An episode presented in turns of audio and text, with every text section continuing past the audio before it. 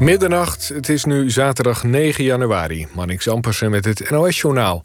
In de VS wordt rekening gehouden met een Amerikaanse variant van het coronavirus. Mogelijk is die variant tot 50% besmettelijker, zegt de speciale coronawerkgroep van het Witte Huis. De mutatie zou een verklaring kunnen zijn voor de steeds snellere verspreiding van het virus in de VS. De werkgroep pleit volgens Amerikaanse media voor een agressieve aanpak. Ook roepen de deskundigen op om zo snel mogelijk kwetsbare groepen te vaccineren. In Madrid leidt zware sneeuwval tot grote problemen. Een aantal snelwegen bij de Spaanse hoofdstad is onbegaanbaar... en autoriteiten roepen op om alleen de deur uit te gaan als het echt nodig is.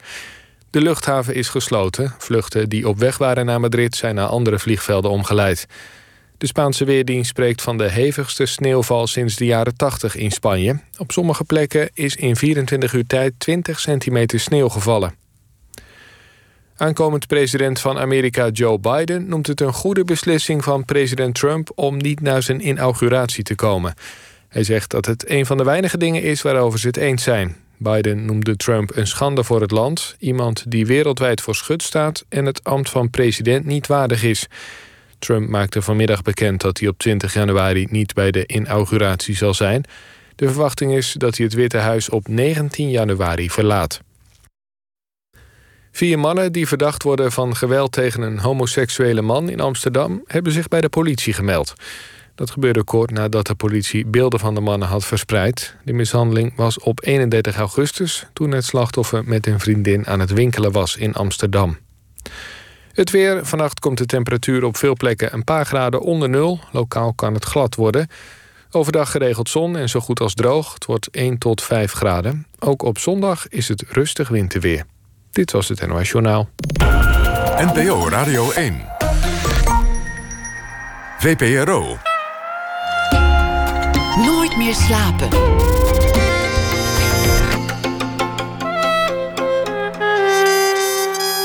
Met Lotje IJzermans. Welkom bij Nooit meer slapen, waar vandaag schrijver Henk van Straten te gast is. Drie weken geleden verscheen zijn nieuwe roman Ernest Hemingway is gecanceld. Een boek over een curator van een museum die een fototentoonstelling over schrijver Ernest Hemingway heeft gemaakt. En die expositie die wordt dus gecanceld. De curator is een uh, gescheiden man die in verwarring is over zijn identiteit en met name over zijn mannelijkheid. Totdat twee dakdekkers hem leren het heft weer in eigen handen te nemen. Of leiden ze hem juist naar zijn ondergang. Ernest Hemingway is gecanceld is een boek dat dicht op de huid van de tijdgeest zit. Met verhaallijnen over de woede van alt-right, de hypocrisie van uh, politiek correct links, de Black Lives Matter-protesten en de cancelcultuur, de valkuilen rondom MeToo en natuurlijk dient ook het coronavirus zich aan. Genoeg om over te praten dit uur dus, maar eerst nog even over de schrijver zelf. Hij werd geboren in 1980 in Rotterdam en groeide op als Brabander. Hij schrijft columns, romans en autobiografische boeken. Verder is Henk van Straten gescheiden, vader van twee jonge zoons en woont hij in Eindhoven. Waarom moet je lachen? Om dat gescheiden stukje. Uh, ja, ik zeg ook wel eens, uh, hij is getrouwd, woont Oh met ja, vrouw dat- en ja? kinderen in enzovoorts. Is dat bij elke gast die je hebt? nee, niet bij elke, de- maar de- bij de jou is het wel heel relevant, omdat je er veel boeken over geschreven hebt. Eh, ook ook Ja, deze curator is een gescheiden man Ja. die toch wel een klein beetje lijkt op jou. Maar daar gaan we het straks wel over hebben. Oh. Ehm, jij eh, zat al een tijdje te broeden op dit boek. En uiteindelijk was een lekkage eh, aan je dak was de uitkomst. Hè? Toen had je de, de Ja. ingang voor de vertelling gevonden. Ja, ja dat. Die, die, ehm, die dakdekkers die op bezoek kwamen. En ik was toen heel ziek. Ik, had, ik denk dat ik corona gehad heb in die, in die periode, vlak na carnaval. En wij in Brabant waren toen het epicentrum van het, van het virus. Zegt hij trots. Ja. Ehm, en, dus ik was heel ziek. En in die, tijdens dat ziektebed heb ik ook eh, alle films van Yorgos Lantimos gekeken. Hij is van The Lobster en The Killing of a Sacred Deer. Die ken je, oké. En dat, nou ja, dan weet je ook dat dat vrij abstracte, absurdistische Absurde films zijn. films, En ik, ik, ja. dat, dat werd een beetje mijn universum. En die, die twee dakdekkers die kwamen ineens bij mij over de vloer om naar een lekkend dak te kijken. Maar die bleven heel lang. Die bleef heel lang bij mijn tafel zitten en met mij praten. En dat voelde als van Yorgos Lantimos film. En ineens, eh, ja, ging er een soort lampje aan en dacht ik, hé, hey, zo, ik moet beginnen met die dakdekkers. En dan, dan komt de rest, dan komt al die thematiek. En wat was het aan, aan, hen wat jou zo inspireerde op dat moment van licht absurdisme en een beetje. Nou, ten eerste omdat zij dus. Nou, in, in feite hoefde zij alleen maar een offerte op te stellen. Uh, dus hij zat ook steeds met zijn iPad in zijn hand om die offerte op te stellen, maar dat deed hij steeds maar niet. En hij was over allemaal andere dingen aan het vragen. Van, uh, dus ook was ik gescheiden en woonde ik daar alleen. En, en hij was heel begripvol, maar op een heel uh, pragmatische manier. Dat hij ook op een gegeven moment zei: Weet je wat jij moet doen? Jij, moet, jij zou eens naar erotisch getinte dancefeesten moeten. Dat doe ik ook met mijn vriendin. En dat is zo leuk, de mensen die je daar ontmoet. En um, zij, zijn, zij waren zo pragmatisch en praktisch. En ook natuurlijk gewoon heel handig. Zij kunnen dingen bouwen en maken. En dat vind ik altijd een heel groot contrast met de neuroot met de twee linkerhanden die ik ben. En uh, ik weet ook nog dat ik tijdens dat gesprek ook nog iets zei van... Weet je, soms, ik zou ook wel willen doen wat jullie doen. Gewoon met mijn handen werken, dan s'avonds moe. Uh, en dat dat het dan is, een soort romantische gedachte die ik wel vaker heb. En dat je dan geen recensies krijgt en geen boeken schrijft. En en waarop hij ook zei: Ja, maar dan, dan ga je dat toch gewoon doen. En, en uh, dat is een reactie die ik natuurlijk niet verwachtte en die ik ook niet echt serieus neem. Want ja, ik kan dat natuurlijk niet echt doen, want zo denk ik. Ik kan niet echt dat vak gaan leren. Hij zei, ja, maar dan koop je een, een gereedschapskist en dan kan je die dingen gewoon leren. Dus hij ziet alles gewoon als van A naar B. Makkelijk. En um, waar ik mezelf dan op betrap is dat ik, dat ik een beetje schommel tussen uh, jaloezie enerzijds. Was ik maar zo. En ook, en ook een soort, uh, ik voel me ook zwak uh, in relatie tot hen. Omdat zij uh, dingen kunnen die jij ja, dan. Ja, en dan, dan kom je al meteen op dat thema van, van mannelijkheid. Uh, er is natuurlijk niemand die zegt... mannelijkheid is per definitie dat je je eigen huis kunt bouwen. Dat begrijp ik heel goed op een rationeel, filosofisch niveau. Dat, dat, je kunt aan mannelijkheid heel veel andere definities geven. Dat gezegd hebbende voel je wat je voelt daar, daar kan je niet zoveel Ja, dat is helaas altijd het geval, ja. En uh, ik, ik heb dan toch altijd zo'n beeld... Op de een of andere manier heb ik altijd zo'n beeld voor me van... post-apocalyptisch. De, de, de, uh, Trump is wel... De koep is gelukt. Ja. En uh, de derde wereldoorlog breekt uit. En alle wetten zijn weggevaagd. En dat, er is geen politie meer. En je moet voor jezelf zorgen. Dan denk ik altijd, ja, ik kan geen huis bouwen. En dan zit jij daar met je twee schrijvers. Ja, het is alsof ik mezelf meet aan degene die ik zou moeten zijn in het geval van een, het op moeten bouwen van een gewelddadige maatschappij. Ja, een soort irrationeel, maar eh, ook weer niet zo irrationeel als je. Maar goed, die twee dakdekkers met hun twee rechterhanden, allebei, hmm. die gaven jou een ingang. Want je dacht, ik kan een verhaal vertellen over de wereld van nu over mannelijke identiteit. Door hun eigenlijk als, als dragers van, van de plot te nemen. Ja, en comic relief.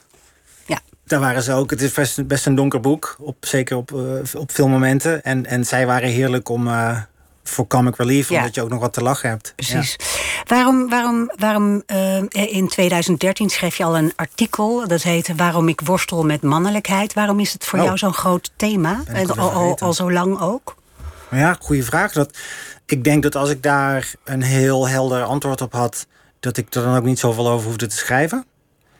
Uh, ik weet ook, nu je het zegt, ik heb ook ooit een essay geschreven voor een online cultureel magazine genaamd De Optimist. En dan schreef ik een essay en dat heette uh, uh, Tony Soprano, mijn vader of zo. Of waarom ik zou willen dat Tony Soprano mijn vader was.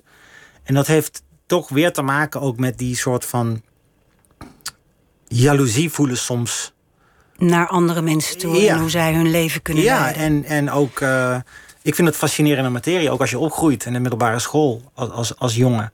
En ik heb nu zelf twee zoons. En, uh, hoe oud zijn je zoons? 13 en 10. En uh, dus bijvoorbeeld uh, alleen al het feit, leer je je zoon dat hij als hij wordt geslagen naar de juf moet, de autoriteiten erbij moet halen, of moet hij ook leren terug te slaan en niet zomaar iets te pikken. Dat alleen al vind ik een super complex en verwarrend vraagstuk. Omdat ik, ik, ik ben niet overtuigd van het een of het ander per definitie. Wat heb je is het alles voorgekomen dat je kinderen een klap kregen en dat ze. Uh, ja. En wat heb je ze gezegd? Nou, uh, mijn oudste zit op boksen. Oké, okay. dus ik kan beter niet terugslaan. Nou ja, nee, kijk, dat is ook maar weer de vraag. Hè? Want, want iemand anders kan sterker zijn dan jij. Uiteindelijk gaat het erom uh, sta- kom je voor jezelf op, ja of nee?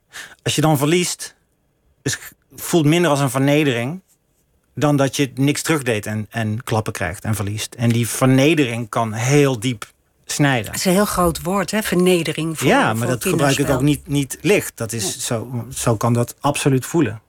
Absoluut. Ehm, laten we het even hebben over dat, dat boek. eh, Want daarin Oh, komt dit ook eh, uitgebreid aan de orde. Ehm, er is een tentoonstelling eh, met foto's van Hemingway. Mhm. Waarom heb je hem gekozen als schrijver? Is hij een schrijver die je bewondert? Of, of is het zijn mach- machismo? Wat dat je, laatste, ja. natuurlijk. En, en nou ja, bewonder, be- bewonder in de zin van... Ik heb, ik heb absoluut ook genoten van zijn boeken ooit. Dat was wel jaren geleden. Ik, ik denk dat ik dat nu niet zo snel meer zou lezen. Eh, maar hij was natuurlijk de ideale archetype man. Jagen, boksen, vissen, naar het front, overal baard, Vrouwen. vrouwen, drank, poseren naast eh, gevangen zwaardvissen die ondersteboven aan een, eh, weet je. Dus ja, zo'n man die, die ooit de Nobelprijs won en waar je nu, die heel serieus genomen werd. En wordt in zekere En nog zin. steeds wordt. Nou ja, maar ik denk, ik denk als je hem nu, als je zo'n man in deze tijd zou plaatsen, dan wordt het ook soms bijna lachwekkend. Zelf, vind, vind ik ook. Hè? Ja, is- maar goed, hij is van een andere tijd. Nee, klopt. Maar dat Ja. is interessante materie. Ja. Dat zoiets dus nu eh, tussen aanhalingstekens niet meer kan. Fout ik bedoel, ja, ik bedoel, ja, poseren met een, met een doodgeschoten leeuw is natuurlijk. Eh, Nee, het kan echt niet meer. nee. Je wordt afgemaakt Nee, dus in het boek media. komen er dus ook eh, klachten vanuit die hoek. Van, van, en, en dat is een beetje, jij zegt van dat was een andere tijd. Maar eh, dat argument van dat was een andere tijd is ook vaak anno nu dat dat niet meer geldt. We- Als er dat- standbeelden dat worden wordt- Ja, dat omgetrokken, wordt een beetje geïnterpreteerd als een soort love excuus of een, een niet valide argument. Terwijl ik, Ja. ik nog steeds denk dat dat wel een valide argument is. Maar dus ik steek daar een beetje de, de draak mee. Dus in dat boek komt er ook protest vanuit dierenrechtenorganisaties. Dat, eh, ja, daar worden daar foto's tentoongesteld van een trotse man naast doodgeschoten leeuwen. En dat is eh, kwetsend voor degene die om dieren geven. Ja, en ook feministen eh, eh, protesteren. En uiteindelijk wordt die eh, tentoonstelling gecanceld. Ja. Ehm, die hele cancelcultuur, dat is eigenlijk ook iets nieuws. Hè? Misschien moet even, dus, dus dat dingen niet meer uit een bepaalde tijd niet meer getoond mogen worden, omdat het nu fout is. Dus precies waar we het over hebben met Hemingway. Dat is die cancelcultuur. Nou ja, spe- spe- specifieker is het dat iemand in jouw ogen moreel gezien de fout ingaat. Eh, en dat die eigenlijk geen recht van spreken meer heeft daarna. Of, geen, geen, Of is gegaan in het geen- verleden. Hè? Er worden ook eh, Ja. eh, programma's van 1970 worden, mogen niet meer gekeken Ja, worden, ja. omdat daarin woorden gebruikt worden die Ja, nu, en, ehm, nu dat, niet meer kunnen. dat is in Amerika zijn ze daar wat verder in dan wij. Maar Amerika is vaak ons voorland. En ehm, ik weet bijvoorbeeld dat Kevin Hart, die zou de, de Oscars, Oscars. presenteren. En een, een, een grappig bedoelde, maar homofoob te interpreteren tweet uit van 20 jaar geleden of zo was genoeg om hem dat te ontzeggen. Dus ehm, die dingen zijn absoluut aan de hand. Dat is een van de dingen die, die spelen nu in, eh, in onze tijd en onze cultuur. Ja, je Ja. geeft ook het voorbeeld van een, eh, een sportcoach die een nummer mee rapt. Eh, dat was deze zomer Dat is geloof echt ik. gebeurd. Ja, Ja. met het en, en wo- woord. Mhm. Maar goed, dat zat in dat liedje en hij rapt het mee. ja, dus En- ja, Er wordt ontslagen, Dat al dat genoeg. soort dingen. Dat zijn dingen Mhm. waar jij je over opwindt in dit boek. Ja, nou ja, ik. De, de- ja. Nee, ja, tuurlijk. Het Nou ja, jij als schrijver geeft daar aandacht aan. Ja. Nee, ja, dus, dus waar het boek op neerkomt, is dat je dus iemand hebt die zichzelf als links ziet. Eh, altijd links gestemd heeft. En, en, en eh, hij werkt zelfs in de cultuursector. Hij is curator bij een museum. En hij ziet een beetje die club waar hij zich altijd mee identificeerde en, en waar hij toe behoorde, ziet hij de uitwasser ervan? Of ziet hij een bepaalde kant op marcheren waar hij niet per se naartoe wil? Ehm, aan de andere kant, hij gaat bij middeleeuws zwaardvechten. Hij gaat proberen zijn mannelijkheid te herontdekken. Ja. Juist. Ehm, en daar gaat het al vrij snel over. Je moet voor jezelf opkomen, wat je, wat je ergens nog, eh, wat, hè, waar je mee kunt. Maar dan gaat het al vrij snel over. eh, we moeten ook de grenzen bewaken. En eh, onze cultuur niet in de uitverkoop doen. Dus daar komt hij in de andere uitwas. Ja, je ziet de hoofdpersoon eh, wegdrijven van links. Ja. En eigenlijk eh, geen redding vinden bij rechts. Nee, en dan kom je dus op dat middengebied. En daar probeert hij een soort van vaste grond onder zijn voeten te vinden. En dat, dat is lastig. Omdat daar heerst verwarring. En uh, ik vind verwarring een mooi iets en een goed iets. En ik denk ook wat ik met dit boek heb willen laten zien, heb willen communiceren, is ook verwarring. Ik denk dat verwarring uh, goed is omdat het leidt tot compassie. Als je erkent dat je het zelf niet helemaal goed snapt en dat je denkt: Goh, hoe zit dit precies? Ik zou daar meer van willen weten. En je staat open voor meningen, en, uh, maar je weet het niet zo goed, dan accepteer je ook makkelijker van een ander dat hij niet zo goed weet. En als je merkt dat een ander het niet zo goed weet, vergeef je ook, denk ik, diegene eerder uh, als hij een fout iets zegt of iets beweert waarvan je denkt, hm, daar ben ik het niet mee eens. Um, het is het verstarren en het dogmatische en het zeker weten waarbij snel compassie uh, uit het oog verloren wordt. Ja, daar, daar wint je over op, hè? over die toon van het debat... waarin eigenlijk iedereen een rigide uh, positie in heeft genomen. Ja, of, of er is überhaupt geen debat. Of, of het feit dat je kritische vragen stelt of zegt van... goh, is dit wel helemaal waar, wordt gezien als een aanval. En dat, dat, dat maakt het hele debat al dood. Dat vind ik heel eng, ja. Wat doet links verkeerd voor jouw uh, gevoel als, als uh, frisse schrijver? Buitenstaander? Nou frisse, frisse schrijver? ja. Nou, dankjewel. Uh, ja, wat is links? Dat, ik, ik, weet niet meer wat links is. Ik, ik, laatst kwam ik op zo'n soort nieuwe term van... dat ik dacht, misschien ben ik inmiddels wel conservatief links. Um, dus niet conservatief rechts, maar misschien ben ik conservatief links. En wat zou dat nieuwe... zijn? Nou, dat, dat, waar ik van dacht dat dat links was, altijd. Dus wel een debat kunnen hebben en, en wel andere meningen um, in overweging nemen. Uh, uh, niet meteen het zien als een aanval als iemand dat je niet, niet met je eens is. Uh, toch proberen een mening te baseren op feiten, voor, zover dat kan. En cijfers en, en dingen eerst onderzoeken en dan kijken of het wel echt allemaal zo is. Um, gelijkheid in de zin van gelijke kansen. Dat, dat, daar sta ik geloof ik nog steeds achter. Meer dan gedwongen diversiteit, waarbij mensen opnieuw worden geselecteerd op huidskleur, bijvoorbeeld. Ik geloof, ik snap het idee erachter, maar ik geloof dat ik het daar niet mee eens ben. Ik geloof dat ik dat een gevaarlijke ontwikkeling vind. Je laat, uh, ja, ik zit erover na te denken. Eh, je laat in je boek een, uh, een zwart iemand, laat je eigenlijk een anti-Black Lives Matter. Nou, niet anti, kritisch. nou, in zoverre anti. Die, dat personage gaat niet naar de Black Lives Matter demonstratie. Mm -hmm. uh, omdat hij zich daar toch niet meer thuis voelt. Hij ja. uh, is zelf zwart, maar hij heeft... En daarin citeer je eigenlijk... Um, ik heb opgeschreven hoe die heet, maar jij Coleman weet het. Hughes. Coleman Hughes. Mm. Zwarte filosoof en, en journalist die ja, daar een jonge essay denker, over heeft geschreven. Jonge denker, essayist. Ja, en ik heb, ik heb dat expres bijna letterlijk overgenomen van hem. Uh, Juist omdat ik niet wilde dat ik iets ging opschrijven en, en dat ik dan het verwijt kon krijgen: oh, maar je, je, je laat nu een zwart iemand gewoon jouw witte gedachten hebben. Ik, dat, dat, die kritiek wilde ik voorkomen, of dat nou terechte kritiek zou zijn, ja of nee. Um, en ik heb hem heel hoog zitten. Ik grap wel eens dat ik hoop dat hij de, de, de volgende. Presidentskandidaat. Ja, absoluut. Ja, ja. absoluut. Maar um, om terug te komen daarop is natuurlijk een verschil, uh, ook in het boek, tussen Black Lives Matter met hoofdletters. De, de, de stroming die uh, veel goede bedoelingen heeft en veel goede dingen bereikt, maar die ook um, in bepaalde aspecten flink leunt op critical theory en um, wokeism en, en feitenvrije. Even, even uitleggen, Henk. Critical theory is, is, is wat voorafgaat aan, aan, aan wokeism. Ja, dat, dus, misschien moeten we het er helemaal niet over hebben, dat wordt te, te technisch. Maar wat ik alleen maar wil duidelijk maken is dat um, die persoon ook in het boek, als die, dus als jij bijvoorbeeld zegt anti-Black Lives Matter, dan, dan zou je als luisteraar kunnen denken: oh, dus diegene vindt dat zwarte levens er niet toe doen of zo. Dat is natuurlijk compleet niet. Nee, maar die zegt: uh, er worden net zoveel witte mensen gedood door politiekogels als. Meer, ja. ja. Dat zegt hij.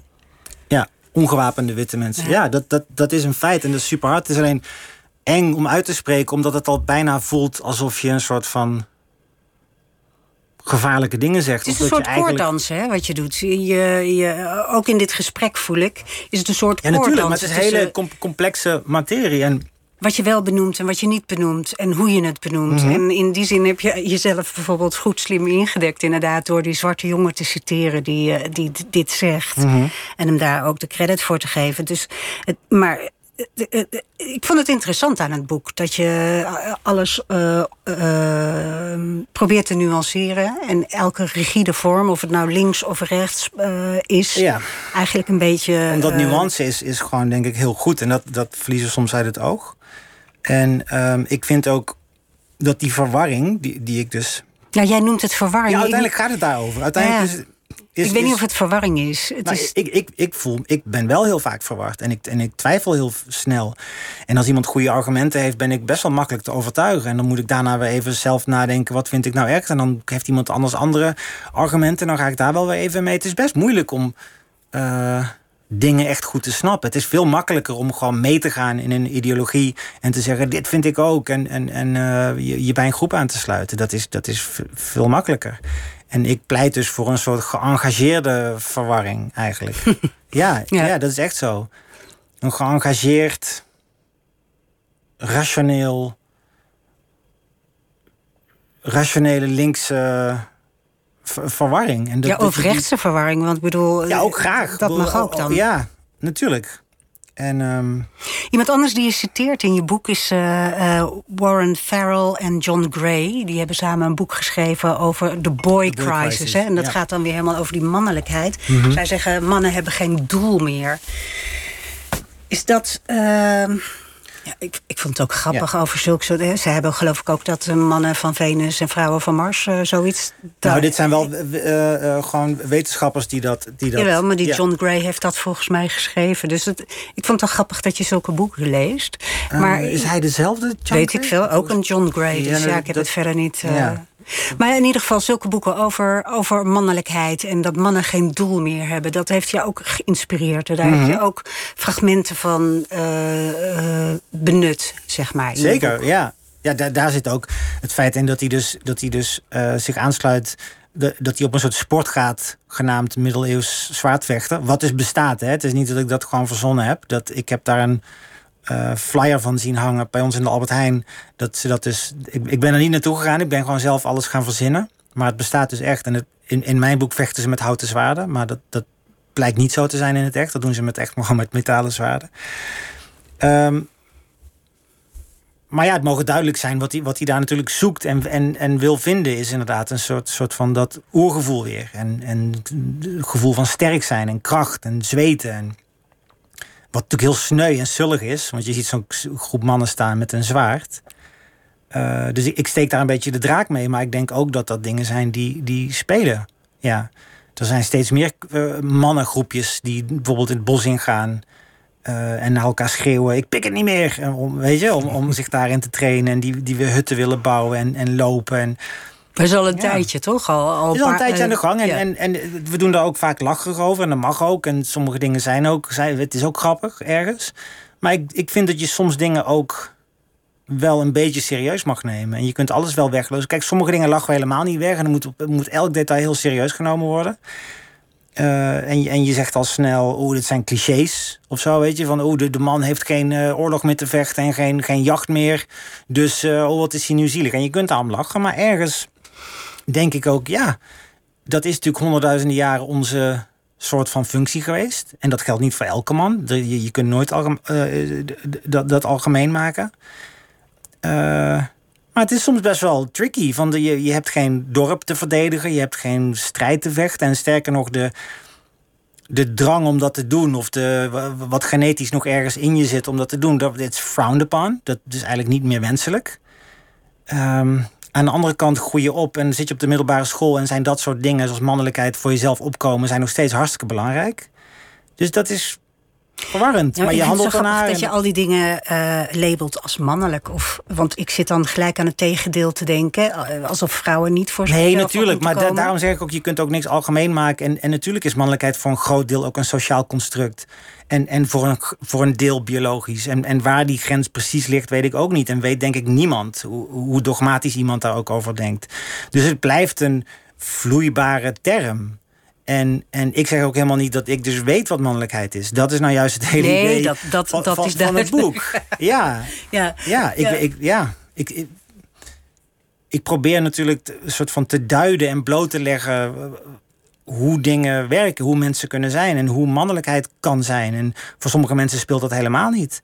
Dat kan ook. Ik, ik, ik ken ook, weet je, ik, ik ken ook types man die, die als, als, als een andere man ze iets flikt, dat ze alleen maar denken, maar, maar dit, dit, dit, dit, dit kan niet, ik ga eh, de autoriteiten bellen. En die op geen enkele manier denken, dat is ook prima, toch? ik ben vernederd. Of, eh, nee, dat bedoel ik. Ja. Ja. Nee, maar dus er zijn allerlei. Je kunt alle kanten daarmee op. Maar Weet wat ik doe is, ik onderzoek wat ik interessant vind. En ik denk, eh, de thema's die ik aanstip, ik denk dat ik niet de enige ben die, die daarmee worstelt of die daarover nadenkt. En dat is toch wat je doet uiteindelijk als schrijver. Is je, pro- je probeert zoiets bloot te leggen en tastbaar te maken. En ja, De hoofdpersoon eh, van je boek die, die lijkt heel erg op jou. Hè? Hij is, eh, ja, toch? Hij is een depressieve man die 40 wordt. net als ik, een Eh, depressieve man. Die, ja. Ja, hij is gescheiden. Hij heeft een zoon van 13. Jij hebt dan ook nog een andere zoon, een jongere. Hij heeft een depressieve, satanische vriend... die jij ook hebt gehad. Satanistisch bedoel ik. Eh, iemand die in... Ja, je moet al die termen gelooft. goed hebben. Ja, ja. Want, want anders dan, ja. Een hond die Termen er niet aan kan. het is heel moeilijk om jouw boeken te lezen. Maar dat komt ook omdat je twee autobiografische Ja, boeken het. hebt geschreven. Ja. En te denken van, nee, dit is niet Henk van Straten. Dit is eh, zijn Ja. naamloze hoofdpersoon. Ja, dus ik, ik wil ook wel, ik wil protesteren, heel, heel sterk.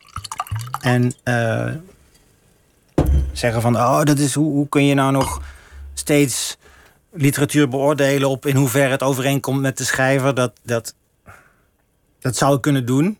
Maar ik weet ook wel dat dat niet helemaal. Ja, het is eh, een, ver normaal een beetje zijn. een zure discussie. Maar in jouw Ja. geval lijkt het me Ja, maar, het is, maar, maar toch wil ik wel ook dit dan toch weer nuanceren. Kijk, ik schreef niet voor niks twee boeken met memoires.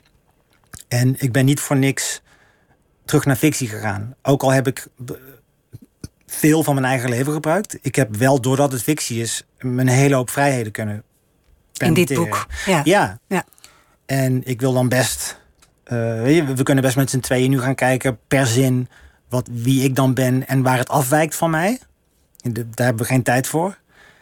Ehm, maar dat is natuurlijk ook aan de hand. Het is niet Tuurlijk wijkt het van ik. je af. En er staat ook Ten op, eerste heb eh, ik niemand v- vermoord en zit ik niet in de gevangenis. En, Nee, dat is evident. Maar ehm, eh, jij hebt eh, verschillende boeken geschreven, ook over die tocht, zoektocht naar mannelijkheid en over de verwerking van je scheiding. Je hebt eh, artikelen geschreven over Mhm. eh, bijvoorbeeld eh, het boek Fluwele Woede van Ellen Downs. ja, schitterend boek is dat trouwens. waarin jij een heleboel dingen herkende als heteroman... die Ja. in de verwerking van en acceptatie van homoseksualiteit... Ja, ja. dus het- is, het is eh, ehm, Misschien is het mijn thema. Dat bedoel ik. Ja, je wil mij gewoon reduceren tot één thema. Dat is wat Nee, hier- helemaal niet. Maar het, is, het is nu een interessant thema, want Ja. het komt nu Nee, in het is, Ernest het- Hemingway Ja, natuurlijk. Het is absoluut iets wat, eh, wat steeds terugkomt. En, en, en misschien is dat dan inderdaad een hoofdthema in, in mijn werk. Dat, ik vind dat geen hele onredelijke Ik ook niet. aanname. Nee. Eh, waarom? Is dan de volgende vraag eigenlijk. Waarom dat een hoofdthema is? Ja. Ja ik, ik denk dat ik daarachter probeer te komen door het, door het schrijven. Eh, ik denk dat ide- identiteit en, en een soort van dat harnas dat je, dat je, dat je voelt als mens, een soort van het, het gedwongen zijn, het, gevor, het gedwongen vorm hebben. Eh, de, ja, ik, kan ik, ik kan me niet voorstellen dat dat niet voor ieder mens een, een doorlopend vraagstuk is. Nou, wat me opvalt bij jouw boek is dat je zo echt zo heel erg eh, minutieus op jezelf let. Ja, dat, dat is zo. Dat is heel vervelend, ja. Je zegt ook ergens in een van je boeken van... ik ben eigenlijk al aan het schrijven als ik het beleef. Ja, dat is, ja, er zit altijd een muur tussen. Zit je dan niet altijd naar jezelf te kijken? Ja, nou ja, ja. Er, zit altijd een, muur- er, zit altijd een, er zit altijd een muur tussen mij en het moment, ja. En nooit een muur tussen jou en de rest van de wereld. Want je vergelijkt jezelf ook heel erg, hè? Van hoe, hoe doet de Ja, ja. dakdekker het? En hoe doet... Ja. eh, eh, Ja, ik heb nul verdedigingslinie. Wat, zeg maar, mijn huid is een soort van illusie. Dat gaat, dat gaat gewoon allemaal er doorheen. Van buiten naar binnen en van binnen naar buiten. En dus ik, ik zoek daar steeds een soort controle in. Of een soort... En dat, dat wordt soms een voort. En dan... Ja. Ja, ik vind dat... Ja, dat klopt. Wat is de vraag ook alweer, precies? Nou, nee, we, Oh. we, we zitten gewoon in gesprek. Ik weet niet wat de vraag was. Je hebt het boek geschreven, Wij zeggen hier niet halfbroer. Ja. Misschien kun je even aan de luisteraar uitleggen... wat jouw jeugd is geweest, die je daarin beschrijft. Omdat mij lijkt dat die wel een, een, een, een rol speelt hierin. Oh ja, ja, ja. Eh, ja, dan moet ik heel kort eh, even kijken hoe ik dat. Ja, nee, ik, ik, ik groeide op. Nou, laat ik het zo zeggen. Ik groeide op in het, in het huis van mijn stiefvader en, en mijn drie halfbroers.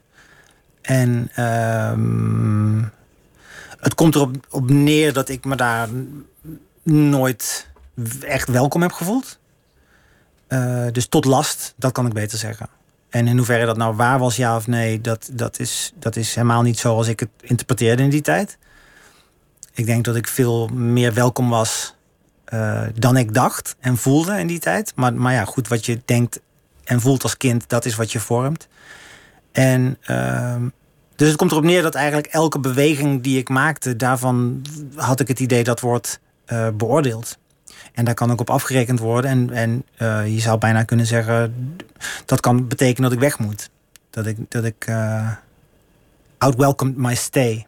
Ja, Zoals we dat in het Engels zeggen. Ja, en eh, daardoor ga je natuurlijk, daardoor ga je dus, dus, dus op elke lichaamsbeweging ga je zelf letten. Zit ik goed? Lach ik goed?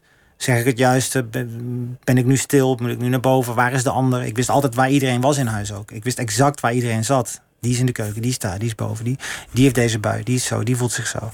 En dat, dat was allemaal... ehm, dat reflecteerde allemaal op mij. Want je vader woonde in Rotterdam. Je moeder en je stiefvader waren uit elkaar. Ja, Maar dat is ingewikkeld. Ja, dus, die dus- drie zoons. Ja, ja. En in het weekend ging ze met jou naar je vader. ja, en zij waren dan een stel. Ja. Dus door de week woonde zij met haar ex-man op aparte kamers. eh, en met haar drie zoons, mijn oudere broers en mij. Ja, en dan gingen wij in het weekend, ging ik dan met mijn moeder naar mijn vader. Waar zij dan in één bed sliepen. Een, een situatie die echt voor niemand een succes kan zijn geweest eigenlijk. Nee, nou, achteraf eh, eh, zou je kunnen zeggen dat dat, dat, eh, dat dat beter anders had gekund. Ja. Ik zeg nog even jouw naam voor mensen die later inschakelen. Ik praat met Henk van Straten. Hij heeft het boek Ernest Hemingway is gecanceld geschreven. En we hebben het over mannelijkheid en een zoektocht naar identiteit en vaste vorm. En eh, ja, we denken toch een beetje zo als we zo praten dat, dat, dat je jeugd en, en de opvoeding en het steeds moeten letten op de ander. En hoe de ander zich tot jou verhoudt, dat die daar wel iets, iets mee te maken heeft. Want het lijkt me ook, maar misschien zeg ik dat verkeerd, als, dat als je zo met die andere pleasen bezig bent. Ja. Dat als ze je leuk vinden, dat je dus denkt van ja, maar wie vinden ze nou eigenlijk leuk? ja, zeker. Klopt. Ja. ja, ik kan het dan vaak ook niet echt geloven. Als mensen je leuk vinden. Ja. Ja. En is dat eh, nu je schrijver bent? Nou, dan en- denk ik, eerder, ik denk wel eerder dat het niet kan, omdat ze niet die.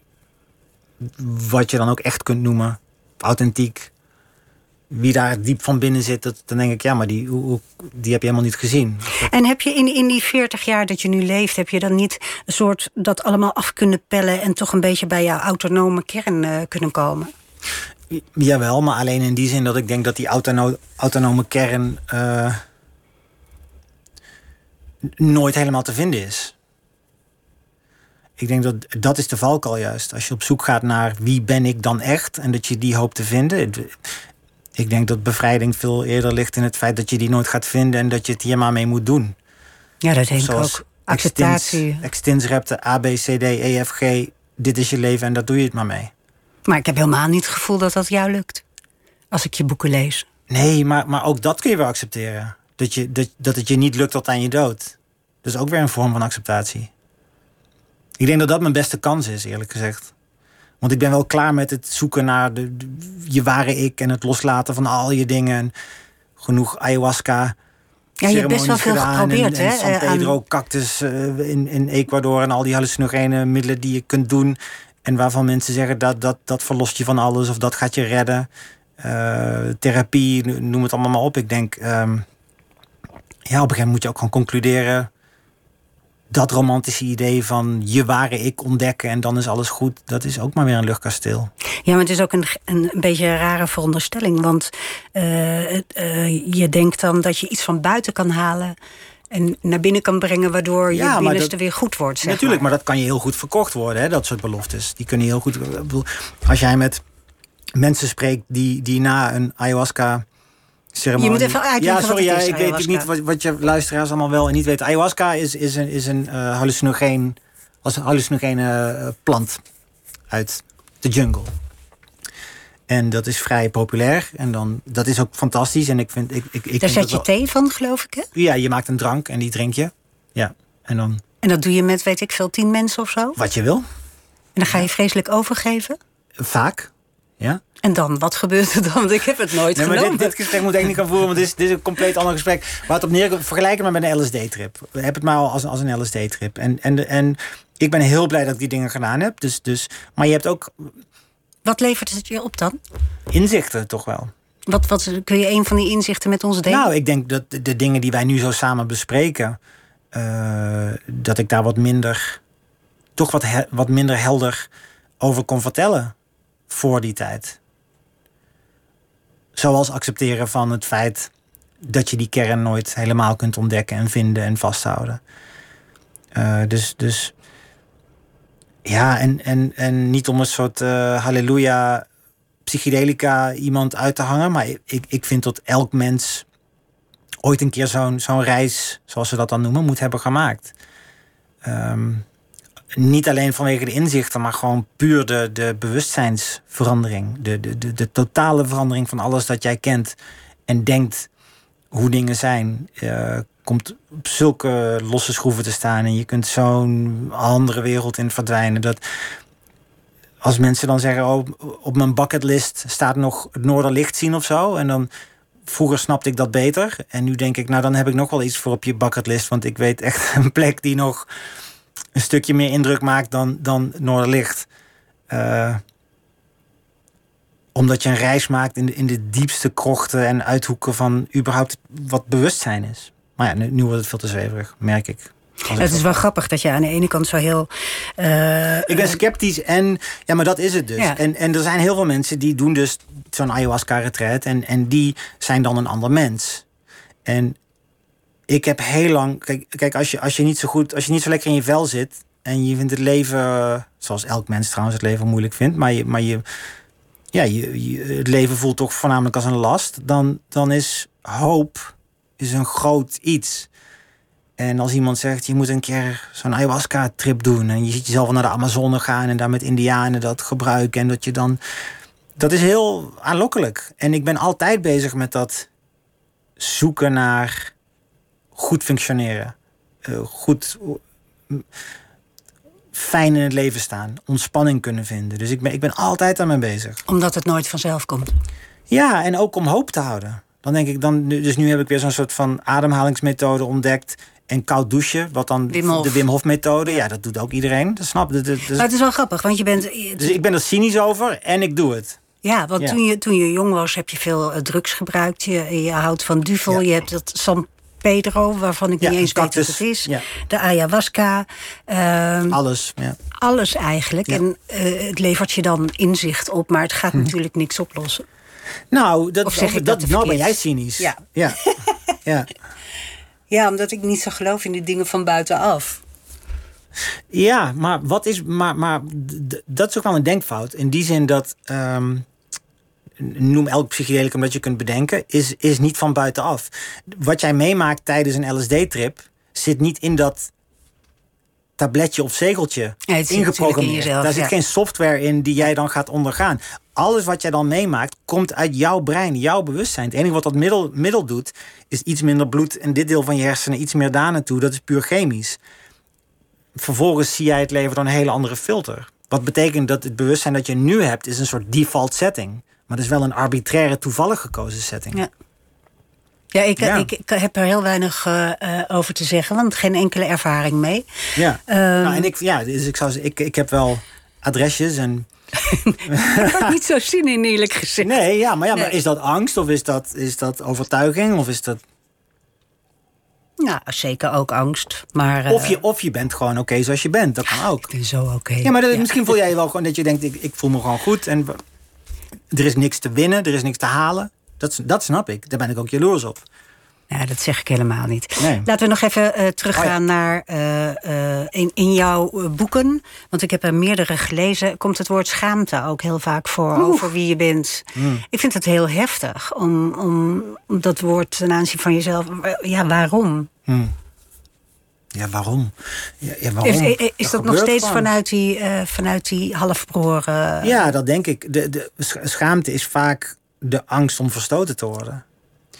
Er is ook een theorie die stelt dat blozen een functie heeft, namelijk voor de rest van de tribe, tribe members, ehm, stam, stamleden. Dat als jij een fout maakt en je doet iets verkeerd, dat doordat jij bloost, ziet de rest van je groep dat je wel degelijk weet hoe het moet. Dus Ja. je bent je bewust van je transgressie. Eh, nou, dus dat. Dat is het. En maar dan in een, in een gezin en dan als kind. Dat je dus, dus, dus iets doet dat geeft gezichtsverlies. En eh, dan gebeurt er iets ergs. Vier broers, is ook wel heftig. Of drie, drie, halfbroers. Drie, ja. Fantastische kerels, by the way. Maar ja, Ja. Je bent op je veertiende, of nee, hoe oud was je bij je eerste tattoo? eh 14, 15. Ja. Ja, ja. En in, in de tijd dat ze nog gevaarlijk waren. Ja, dat het nog eh, nat dan was. Nu heeft Mm. iedereen heel Ja. veel tattoos. Nee, dat was de hele reden dat ik ze nam. Ja, Ja. dat was ook een soort harnas, toch? Ter bescherming. Absoluut. Ja, en, en, en denken, ik kan toch niet meedoen in de maatschappij, laat ik me er dan zo eh, prominent mogelijk tegen afzetten. Ja, ik, ik, ik kikte daar ook op toen. De, je kunt je nu niet meer voorstellen, dat is zo snel gegaan, die trend. Maar toen, eh, toen ik mijn eerste tatoeage op mijn onderarmen liet zetten, dat was echt mensen keken dan echt anders naar je. Dat was, dat was echt nog voorbehouden aan tuig en punkers en wat, wat ik ook was natuurlijk, een punker. En ik genoot van die, die blik. Dat ze naar me keken, eerst in mijn ogen en dachten, oh, misschien een leuke jongen. En dan mijn armen zagen en dachten, oh nee, uitkijken. Dat, dat vond ik heerlijk, ja. Ja, er was ook een identiteit natuurlijk, Natuurlijk. die heel mannelijk Natuurlijk, was. ja joh. Ja. Je hebt nu een tatoeage op je gezicht en dat is de laatste, Ja. heb je gezegd. ja, dat is ook een omega-symbooltje. Het laatste symbool in het Griekse alfabet. Komt ook veel in mijn boeken voor trouwens. Eh, dus ja, dat geeft wel rust. Ik, ik wist... Weet je, ik heb zo lang me laten tatoeëren en in die punktijd. En, en op een gegeven moment wordt het steeds normaler. En ik had er steeds meer mensen iets op een onderarm. En dacht ik, dan ga ik naar mijn handen. Je probeert toch extreem te blijven. Dan ga je naar je nek. En op een gegeven moment zie je allemaal jonge gastjes. Vooral rappers in Amerika en zo natuurlijk. Maar ook wel hier steeds meer met dan tatoeages op hun gezicht. En ik voel, het is ook zo kinderachtig. Maar ik voelde ook gewoon, ja, maar dat kan ik, dat kan ik niet over me heen laten komen. Dat, dat kan ik niet zomaar eh, laten gebeuren. Ik- dat komt er ook nog. Van no way dat ik die. Dus ik, ik wist, oké, dit ga ik dus toch doen. Maar laat dat dan in godsnaam de laatste zijn. En dat geeft ook echt rust. Van nu weet ik, oké, dat, dat. Er komt nooit meer een tatoeage. Maar je hebt wel een tatoeage op je gezicht nu. Ja, dat, is, dat is dan. echt wel eh, ja, heftig. dat is de, ja, vind je? Ik, Ja, ik heb het wel. de mensen die mij kennen, dat is, dat is één uur. Het eerste uur, mensen die mij goed kennen, die me dan weer zien nu, maar dan met tatoeage. Het eerste uur denken ze, wat dat is raar man. En na een uur is het alsof ik. Nee, dat is wel zo, maar het lijkt een klein beetje op een traantje. Nou, dat, dat, daar kan ik wel mee leven. Iemand anders zei, heb je een hoefijzer laten tatoeëren? Dat, vond ik, dat vond ik heel lastig. Maar het is wel zo, jij bent de schrijver met de tatoeages. Ja, daar, daar is geen ontkomen aan, ja. Ja, als je zegt, eh, ik ga Henk van Straten interviewen... en zegt, wie is dat ook weer? Ja, die schrijver met die Ja, tatoeages. En dan ja weet met mijn, het. mijn eh, eh, Instagram biografie, of hoe noem je dat? Mhm. de, de, de, daar heb ik nu, de, ik omarm het, maar dus daar staat nu ook die, die schrijver uit Eindhoven, die met die tatoeages. Ja, precies. En ik heb er natuurlijk lang tegen verzet, want je wil niet gereduceerd worden tot zoiets. Ehm, maar daar begin ik nu wel een beetje vertrouwen in te krijgen dat dat niet meer het geval is. Daar ben ik wel lang bang voor geweest. Ik denk dat dat ook wel een tijdje echt gespeeld heeft. Dat mensen dachten van, oh, het is alleen maar rock and roll. Dat kan nooit goede literatuur zijn. Eh, dus daar, heb ik lang me zorgen over gemaakt. Maar, maar dat is, ja, ik weet niet. Dus, dus soms gaan dingen wel goed of zo. Soms heb ik wel vertrouwen in iets. Dat ik denk, ah, maar ik geloof dat dat punt wel voorbij ben. Dat mensen wel mijn werk nu ja, beoordelen op, op het werk zelf. Je was eerst een, een punker, je had een, eh, een, een punkbandje. Ja, Eh, niet heel succesvol, maar wel Mm. lekker gereisd. Mijn vrienden luisteren ook mee, hè? Mijn, mijn, ehm, mijn ex- mijn ex-bandleden. nee, nee, we, we waren een bandje in een subcultuur van een subcultuur. En zelfs daarbinnen waren we niet heel succesvol. Maar ook wel, ook wel weer succesvol genoeg om een klein platenlabeltje eh, te hebben. Eh, een contract bij een klein platenlabeltje en een tourbusje. En we zijn heel Europa doorgegaan. Ja, zeker. Dat was, dat was natuurlijk voor, voor de kleine Henk die uit die achtergrond kwam... was natuurlijk een machtige eh, speeltuin, lijkt mij. Ehm, ook best wel een mannelijk wereldje. Ja, ja. Stoer. En dat, ja, maar dat is ook helemaal niet leuk. Tenminste, ik bedoel, het- ik, vind het, ik beschouw het nog steeds als misschien wel de mooiste tijd uit mijn leven. Maar wat betreft. Dus ik was 14 toen we begonnen en ik was 24 toen we stopten. En dat is toch ook wel de tijd dat je veel met meisjes bezig bent. En wij hadden dus net dat muziekgenre uitgekozen. Waar Waar geen meisjes naar komen dus de- kijken. nee joh, er waren er dan drie. En die hadden altijd ook al een vriend, want die waren mee met ja. eh, ik geloof dat dat nu, voor zover de scene nog bestaat, die bestaat zeker nog, maar ik, ik weet er weinig van dat dat misschien wel wat aan het verbeteren is. Maar nee, dat, was, dat waren allemaal mannen, allemaal met bandshirtjes en dat was. Oh, pff, Allemaal een beetje zweet. Ja. ja. Ja. Maar en, en daarna kwam Bukowski en die kwam jou, jou redden uit de punk. Want jij dacht, mm, misschien moet ik ook die kant op gaan en Dat, schrijver ehm, worden. ja, dat liep in elkaar over, ja. Wat was eh, Charles Bukowski? Wat, wat, eh, ja, dat is denk ik wel de schrijver die rock'n'rollers of punkers het eerst aan zal spreken. juist dat, dat is voor adolescenten is dat perfect. En eh, tot die tijd dacht ik altijd, had ik niks met literatuur. En ik dacht ook, was ook onzekerheid. Dus natuurlijk ook dat ik dacht, we- dat daar heb ik niks mee. Boeken, dat is sowieso te intellectueel. Snap ik toch niks van. Op de middelbare school schreef ik ook gewoon boekverslagen over. Dus dat, lezen zat er helemaal niet in. En eh, toen kreeg ik een dichtbundel van mijn moeder, van Bukowski. En dat was ja, dat, dat was een totaal keerpunt. Dus dat ik, dat ik gewoon wat hij deed. Dus, oh, je, dus dit, is, dit mag literatuur zijn. Of zelfs, het was een poëziebundel. En, en poëzie vond ik al helemaal niet te begrijpen. Heb ik nog steeds heel veel moeite mee trouwens, vaak. Ehm, maar hij heeft ook een soort proza-gedichten. Dat zijn gewoon Ja. hele makkelijk te begrijpen. Verhaaltjes, Eigenlijk zijn het zinnen, alleen hij Ja. kapt ze halverwege af... en dan lees je ze van boven naar Ja. beneden. En, maar dat was, hij schreef over dat hij dan in een, in een barfight terecht kwam. En dat hij een kater had. En dan eh, alleen maar één hardgekookt eitje kon eten omdat hij zo'n kater had. En hij haatte de mensheid, want die was toch maar hypocriet. Ja, dat was natuurlijk precies hoe ik erover dacht. Maar, maar, maar dan zie je wel ineens hoe iemand met taal en met literatuur dus iets kan... Ja, dat, dat het als een soort kaleidoscoop... dat er veel meer facetten bij vallen ineens. En dat je dus veel meer woorden en, en manieren hebt om, om vorm te geven aan zulke emoties. Dat is natuurlijk ook heerlijk. En de reactie daarop was ook meteen zelf schrijven. Dat, dat was alsof, alsof je voor het eerst. De, de- ik hou helemaal niet van voetbal trouwens, maar stel je ziet voor het eerst een voetbalwedstrijd en je wordt daardoor gegrepen, dan is de eerste reactie ook die je zelf hebt: ik wil ook wel een keer tegen die bal schoppen. Ja, dat had jij ook met Dat meteen, ja. Dus, dus, dus, dus het resultaat was dat ik eh, gewoon Bukowski-kopietjes ging schrijven. Ook Ja? in het Engels, ja, maar dan over mijn eigen vechtpartij in de kroeg. En dan weet je, dat was, ja, dat was, dat was heerlijk. En ook, het heeft best wel lang geduurd voordat ik andere schrijvers ging lezen dan Bukowski. Omdat wat hij ook altijd deed was eigenlijk zeggen dat alle andere schrijvers ook slecht waren. Ja, dus dat was wel lekker veilig. Ja, dus Tolstoy was slecht en overrated. En al, dus ik zo, ja, ja, dus alle andere literatuur is nog steeds stom. Dus eigenlijk was ik geen stap verder, behalve Bukowski. En de enige, de manier waarop ik daaruit kwam, was dat de enige schrijver die dan wel een beetje hoog had zitten, was John Fanti. En die had hij dan ook nog ooit ontmoet, vlak voordat Fanti doodging.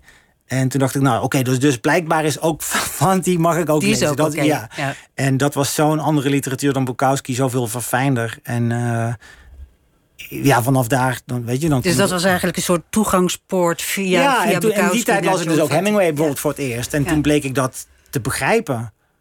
En dat, dat was zo. pff, ik, ik, ik, begrijp literatuur blijkbaar.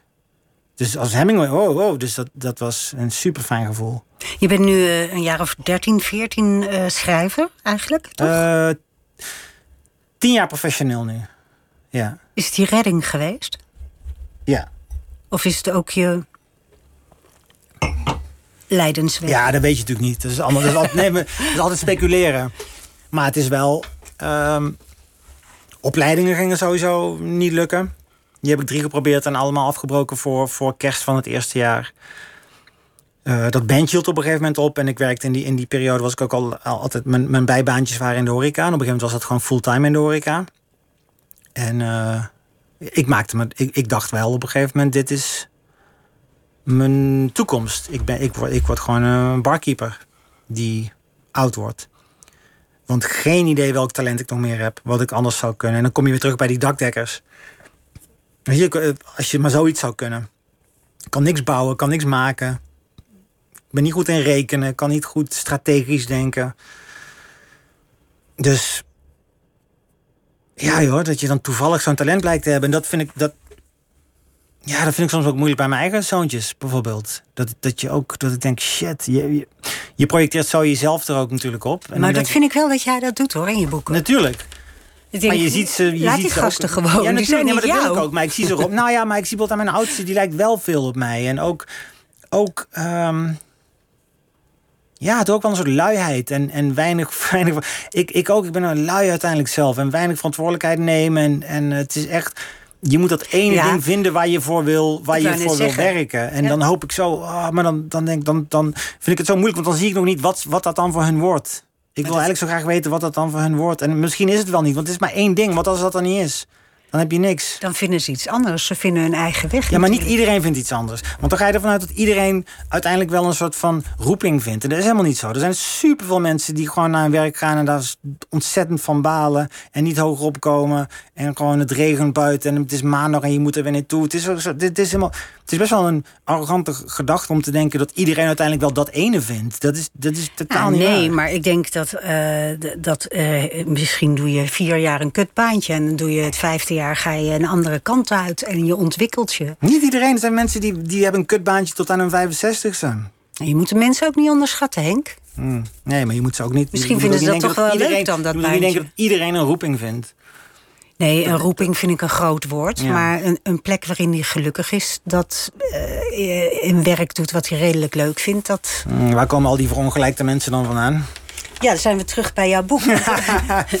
het is wel leuk, want uh, we begonnen met alle hele eigentijdse dingen van uh, anno 2020 eigenlijk. Hè? dat cancelen, de Black Lives Matter. Um, via jouw onzekerheid komen we daar dan toch eigenlijk weer uit. Hmm. En verbaas jij jezelf dan niet dat je nu uh, boeken schrijft die toch intellectueel zijn? Als oude punker? Ja, jawel.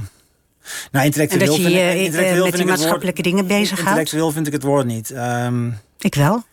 Christian Weitz die schrijft intellectueel. Joost de Vries schrijft, schrijft intellectueel. En dat is helemaal geen kritiek. Of het, bij mij kan het soms zo klinken. Maar daar denk ik van, dat is shit. Die, die analyseren dingen echt goed. En uh, ja, dat vind ik intellectueel. Ik vind mezelf nog steeds geen intellectueel. Maar waar ik wel, waar ik wel van sta te kijken... is dat die actualiteit erin is geslopen omdat ook ik zelf natuurlijk op een gegeven moment dacht bij het schrijven van we zeggen niet halfbroer en bericht uit het tussenhuisje dat dat mijn dat zijn je autobiografische boeken was, wat een intellectueel woord is om te gebruiken, forte. Mm -hmm. je kracht. Ja, precies. ja, goed dat je het even toelicht. Ja. Nee, dus toen ben ik zelf ook gaan denken van... oké, dus dit is wat ik goed kan en ik een beetje dat navelstaderen. En dat kan ook, dat kan ook literatuur zijn natuurlijk. Ik wil dat helemaal niet, dat is ook prima. Uh, sommige van mijn favoriete boeken zijn memoires over iemands privéleven. Uh, maar ik dacht, ik dacht wel altijd van dat, dat die actualiteit, daar ga ik me niet aan branden. Aan wagen. Nee, maar vooral omdat ik dus geen pamflet wil schrijven. En ik wil niet ideologisch schrijven. En ik wil niet, uh, zelfs niet filosofisch in de zin van...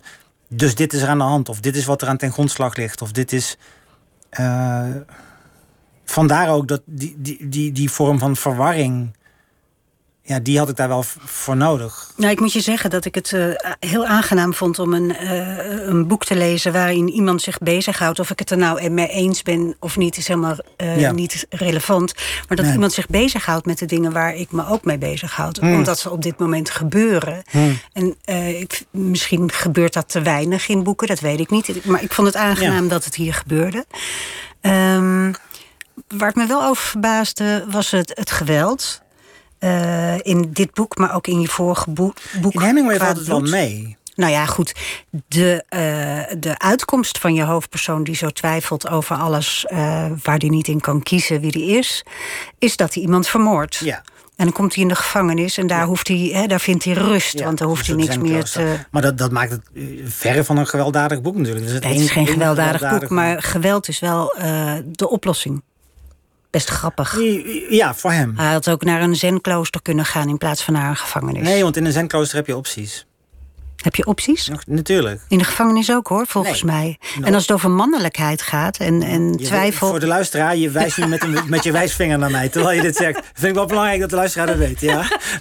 Nee, maar ik dacht nog, eh, als het over mannelijkheid gaat, Ja. dan is de gevangenis nog wel een plek waar je daar geen twijfels over moet hebben. Nee, al, al is dat denk ik... In, in Nederland is geen Amerika. In de zin van, je, je, je moet bij een soort gang Nee. eh, om, je, om je hachje te redden. Het is best wel overzichtelijk in Nederland. En een zenklooster, je kunt besluiten om ervoor uit te gaan. En wat hij zocht is geen opties. Je kunt, je kunt daar niet uit. Nee. Dus dat is het hele, dat is het hele crux. dat, dat is het hele ding, ja. Maar En goed, qua geweld, dat was die, die- hij wist, ik moet zoiets doen. En hij, hij botviert dat ook op iemand waarvan die, waarvan die zegt, die, die verdient het. Omdat hij aan dezelfde wetten gehoorzaamt. ja, je, je andere boek, Kwaad Bloed, was heel gewelddadig. Ja, ook Vond ik echt reden. ook wel goor boek over hele vieze dingen waar ik eigenlijk nooit meer over na wil denken. Vond je, vond je Goed niet zo. zelf? Nee, jawel, maar dat had een reden. Ehm, dit, dit is overigens... eh, het zou verfilmd gaan worden. Eh, en het wordt niet gefilmd omdat het eh, te Ja, dus ze waren aan het casten en, en eh, locaties aan het scouten, maar het filmfonds ziet het niet zitten. Ehm, niet zozeer te gewelddadig, maar ze, ze vinden toch wel een soort eh gratuit. Gratuite, is dat een goed woord? Geweld? Bij deze, ja. Ja, maar dat, ik vind dat heel erg, want dat is totaal niet wat er aan de hand is. Ik, ik heb dat geweld daarin geschreven, juist zodat je als lezer denkt: hoe kan het dat iemand zoveel haat heeft dat hij dit doet? Ja, maar even heel snel. Het gaat over een echtpaar, links echtpaar. Heel, Babyboomers. eh, babyboomers, Rijk, rijk, eh, kunstzinnig. Ja. En die worden gegijzeld door een boze alt-right zijn figuur. eigen zoon En, dat, te zijn. en die is in dienst Dus dat is ook zoon. symbolisch voor eh, een voortbrengsel van een liberale democratie. Die zijn huis afbrandt. En dat huis is dus zijn eigen huis, het huis van zijn ouders. En eerst, die ze eerst martelt. Maar dat is één grote metafoor. En wat ik niet begrijp, is dat bijvoorbeeld ook zo'n filmfonds niet ziet.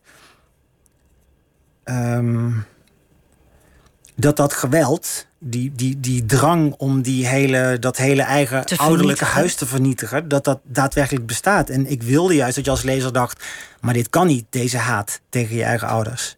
En ik snap niet dat mensen niet zien ehm, dat je in Noorwegen Utøya had, waar Anders Breivik 70 mensen Nou, het afging. gaat heel erg over die haat die op dit moment... Nee, maar dus wat ik juist. Het is zo onbegrijpelijk, maar het gebeurt dus juist. En je hebt Christchurch. Dus Ja. die haat jegens je eigen maatschappij, de maatschappij die jou heeft voorgebracht, die kan zo groot worden dat je liever een smeulend hoopje as hebt dan die maatschappij. Waar je misschien nog wijzigingen in kunt aanbrengen, die je misschien nog een beetje kunt bijsturen. Het is eh, eigenlijk een trilogie. Hè? We, moeten, we moeten trouwens bijna afronden, maar het is een, een trilogie. Kwaad bloed. Moeten, moeten, daar- daar kiezen jullie ook voor. Dat is ook een keuze. ja, weet wij je. zijn heel keuze. eh, Dus gevoelig gewoon weer voor- conformeren. Wij conformeren ons aan het nieuws gaat van bij de radio, de media. Ehm, Ernest Hemingway is gecanceld, is deel 2 van een eh, De trilogie. Witte Mannen trilogie. Noem over de val van de Witte Man, of de, vermeende de val. echte, dan wel ingebeelde val van de Witte Man. En? Ja. Valt hij? Jouw Witte Man? Ja, ik, ik, ik val Jij als steeds, witte maar man? ik loop ook nog steeds. Dus ehm, ja, daar heb je het. Weet je al wat, waar deel 3 over gaat gaan? Ja, ja, het hele boek zit al in mijn hoofd. Is een kwestie van schrijven. Het gaat heten Bigorexia, wat een aandoening is. Big Orexia? Bigorexia is tegenovergesteld aan anorexia. Dat geldt voor bodybuilders. Dus mensen die, die blijven trainen en die willen er steeds groter worden en gespierder. En die kijken in de spiegel en die zien steeds nog steeds een slap iemand. Oh, Dus die willen groter en groter en groter worden. Dat heet bigorexia. dat is wel echt tragisch. Dat is tragisch. Eh, maar zo gaat het volgende boek heten. Ik wens je heel veel succes. Ik vond het ontzettend leuk dat je er was. Ik vond het ook leuk. Uh, Henk van Straten kon je naar luisteren. Maandag is Pieter er weer en die ontvangt dan fotograaf Bart Koetsier. Die een serie maakte over Parijs in de voetstappen van beroemde schrijvers. Misschien zat Hemingway daar wel bij. Op deze zender zo direct het programma Vink. Maandag is Pieter er. Tot dan. Op Radio 1, het nieuws van alle kanten.